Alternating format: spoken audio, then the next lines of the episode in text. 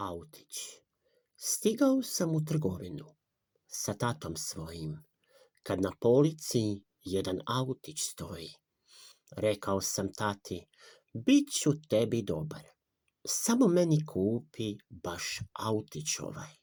Na to će mi tata, slušaj sine malo, nisi bio dobar, zloče si ti stalno. Ali slušaj tata, od srca ti velim, bit ću stalno dobar, jer taj autić želim. Krampus, rogovi na glavi, strašan kao vuk, puna torba šiba, lanci oko vrata, zvecka krampus svoj zločestoj djeci, kada stave čižmicu u prozor svoj, dobit će od njega šibu od metar i pol. Svi ga se boje jer je strašan, a Krampus zločest kao i oni. Šiba u prozoru, zato će da stoji. Kinder jaje. Kupit će mi tata jedno kinder jaje. Ako ne bude, dreke ni galame. Zato ću mu biti dobar svakog dana, jer želim od tate to dobiti tada. Reko mi je tata, kad je došao s posla, evo tebi sine jedno kinder jaje, jer nije bilo dreke i galame. Ljubičica u jednom vrtu cvijeta ljubičica i pokazuje ljepotu sa svojih latica. Bila je ona slatno žute boje, pa govori tulipanu sad riječi ove. Tulipane, prijatelju dragi, ti se meni sviđaš, a ja tebi dali, odgovara tulipan, ljubičice moja, najviše na tebi sviđa mi se boja. Lopta Skače lopta, hopa, hopa, svakog dana strah je spopa. Ne zna kuda da krene, da bi stigla na školske terene. Puno puta jako skoči, pa se odmah jadna smoči. Na podu je spavala jedna mala igla i lopta se odmah probušila. Tužna tada pođe svoje kući i znala je, mama će tući. Praščić Pero Bio jedan praščić, zvao se Pero. U svincu je stalno, stalno, stalno jeo. Različit je bio od drugih praščića, jer je bio mršav poput malog štapića.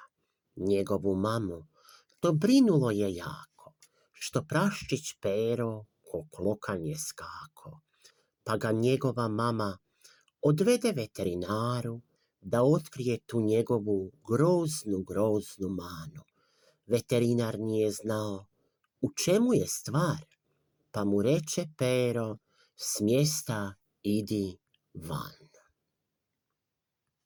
Praznici Djeco moja draga, govorim vam ovo, stigli su praznici, sa školom je gotovo.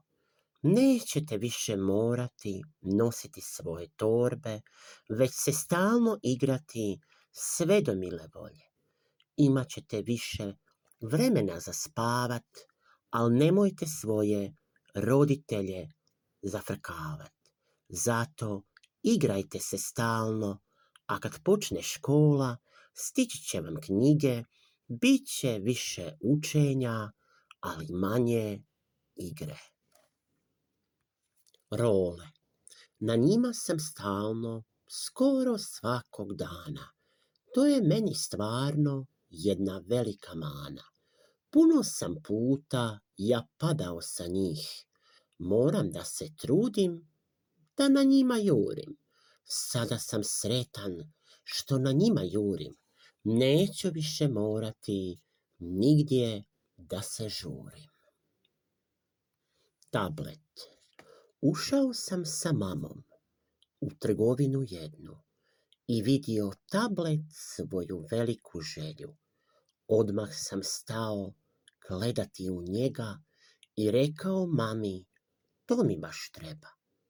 Pa neka tako bude, na to će mi mama, ali nemoj na njemu biti svakog dana. Barbika Barbiko, Barbiko, lutko moja mala, kad se s tobom igram, sretna sam ja tada. Tvoja lijepa kosa, haljinica divna, cipelice tvoje, ti si meni mila. Tobom se ja igram skoro svakog dana, nikad nije dosadno, jer ja nisam sama. Voljet ću te ja, sve dok sam mala, a kada narastem, pamtit ću te tada. Sveti Nikola, Sveti Nikola, ja te sada molim, u čižmicu mi stavi vrećicu bombona i puno slatkiša, to je želja moja, jer sam bio dobar čitavu godinu, a i nekad zločest, zato ću se noćas pomoliti tebi da dobijem to i ne činim više pogreške i zlo. Marica i Kata Bile prijateljice, Marica i Kata, imale su divne ogrlice oko vrata. Uvijek su željele biti prave dame, ali imali su stvarno neke čudne mane. Kad bi u školu krenule one, uvijek su sanjale neke divne snove.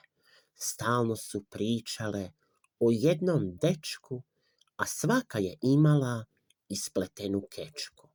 A taj dečko zvao se Dino, igrao je nogomet odlično i fino.